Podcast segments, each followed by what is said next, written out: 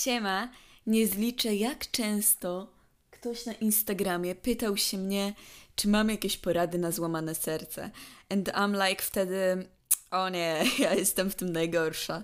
Ale słuchajcie, przez takie pytanie przyszedł mi do głowy taki temat, o którym możemy porozmawiać, czyli o relacjach damsko-męskich. Bo na takich się powiedzmy, że znam. To znaczy, tak w sumie to kurwa. Sorry, ale czy ja się znam? Nie, nie, w sumie to się nie znam, bo jakby e, w żadnej takiej nie byłam, nie? Więc teoretycznie nie mam o tym żadnego pojęcia, ale jakby ilu jest influencerów, którzy nie wiedzą, a się wypowiedzą, no to wiecie, to już jest jakaś influencerska cecha. Więc myślę, że ja też mogę jak najbardziej wypowiedzieć się na temat tego, e, co sądzę o relacjach damsko-męskich. Ogólnie, no to fajnie. Jeśli macie swoją drugą połówkę, która jest naprawdę fajna, to fajnie. Gorzej jak trafiacie na, jaką, na jakąś taką niezbyt fajną osobę, jakiegoś przychlasta albo przychlastynię. Chciałam powiedzieć przychlast, ale w wersji damskiej, ok?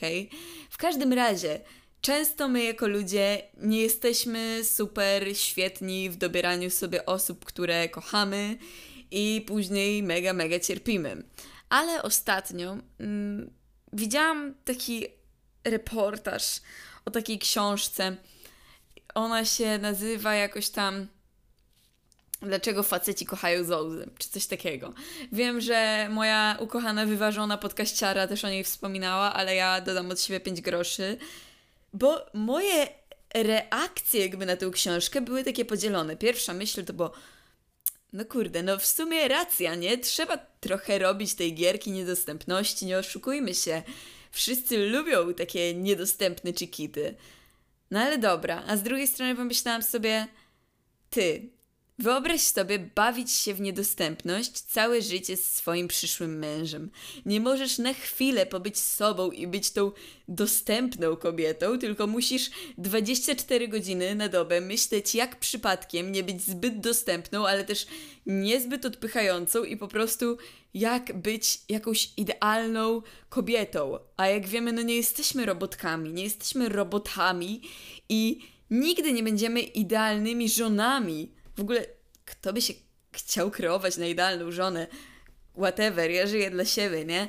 Ale chodzi mi w każdym razie o to, że często bardzo, jak są takie piosenki, y, piosenki, ale chodzi mi w każdym razie o to, że często jak są takie e, te książki pod tytułem jak wyrwać sexy faceta 1, 2, 3, to jest w nich przedstawiany ten cholerny schemat niedostępności. No i spoko. Czy to działa? Owszem, mogę powiedzieć, że to działa, ale pomyślcie sobie tak.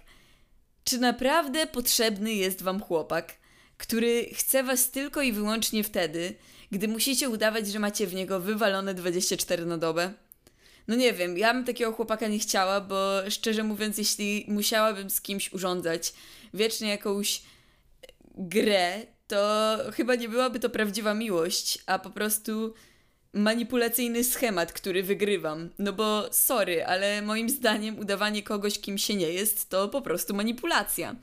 I jak w pierwszym etapie, czyli te pierwsze dwa miesiące, taka gra przejdzie, jest nawet taka, wiecie, hot i w ogóle, tak kurde, wyobrażacie sobie żyć z kimś tyle lat i udawać tylko niedostępną, by ten facet miał wiecznie złudne poczucie, że on goni jakiegoś króliczka, czy jak ktoś tam nazywa.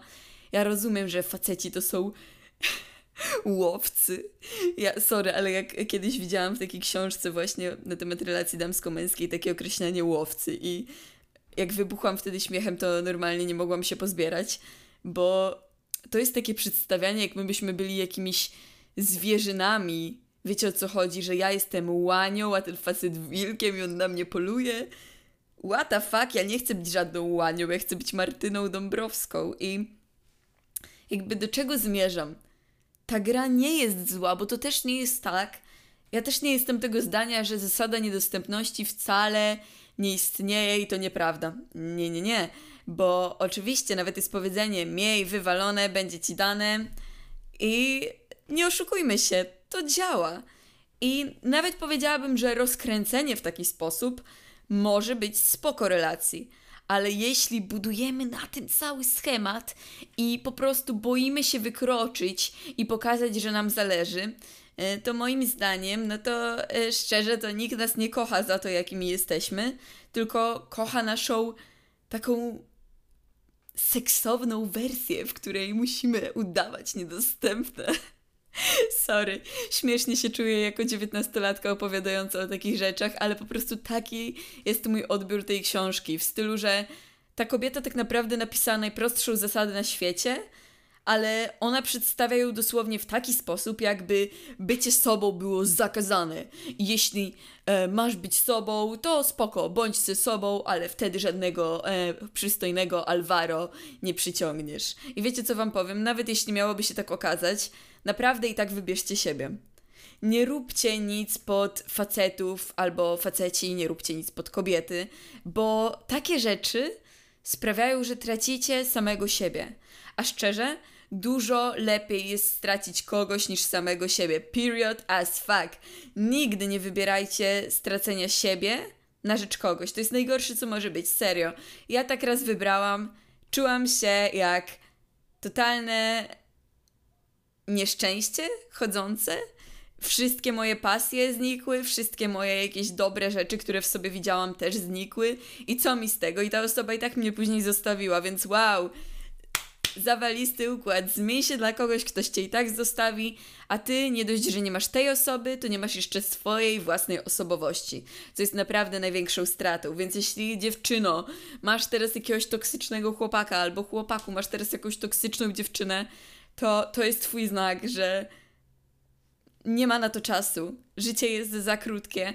Możesz spełniać wiele swoich fajnych pasji, być prezydentem, biznesmenem, e, aktorem, nie wiem, piosenkarzem.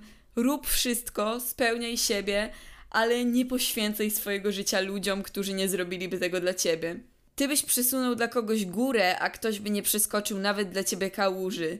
I tak wyglądało większość moich relacji w zasadzie, że ja jestem taka, wiecie, poświęcająca się i w ogóle, a ktoś nawet dla mnie by nie przeskoczył kałuży, tylko ja na szczęście w pewnym momencie skapnęłam się, że hej, ja nie chcę ludzi, którzy nie przeskoczą dla mnie kałuży, bo je, pewnie większość z moich kolegów by dla mnie przeskoczyła kałuże, a często osoby, które kochałam, nie umiały tego zrobić i wtedy już powinno wam się coś zapalić, jakaś czerwona lampka w stylu hmm, on mnie chyba nie kocha, tylko mnie wykorzystuje i próbuje mnie zmienić w kogoś, kim nie jestem. To jest najgorsze. Jak ktoś cię próbuje zmienić, to naprawdę do widzenia. Do widzenia ślepagienia. Ale ja wiem, że my często jako ludzie też pragniemy miłości i dlatego może zgadzamy się na pewne schematy, bo myślimy sobie, o, nie znajdę nikogo lepszego, o, ale to jest takie ryzyko. Ale wiecie co? Z miłością jest trochę jak z pracą. Ja wiem, powiecie teraz, e, że mnie powaliło, ale słuchajcie, co mam do powiedzenia. To tak samo jak wiele ludzi ma taką miłą, ciepłą pracę, którą średnio lubią, ale jest pewna. No i nagle dostają ofertę pracy w totalnie innym miejscu za lepsze pieniądze, ale jest ryzyko, bo na przykład idą na okres próbny. I ile z tych ludzi wyjdzie z tej miłej, ciepłej pracy? No bardzo mały procent, nie? Bo boją się ryzyka. A ryzyko jest tak cholernie potrzebne w życiu, bo zmiana, naj, największą stałą w życiu jest zmiana. Jeśli my będziemy po prostu tkwić i uważać, że tylko należy nam się jakiś pierdolnięty toksyk, który po prostu rządzi nami na prawo i lewo, przepraszam za określenie, ale naprawdę niektórych ludzi nie da się inaczej określić. No kto nie miał chłopaka, który miał skręt kręgosłupa? Dziewczyny, rzućcie kamieniem, albo e, może być tak samo z facetami. Kto nie miał dziewczyny, która miała skręt kręgosłupa? Skręt kręgosłupa, czyli po prostu zdrajcy.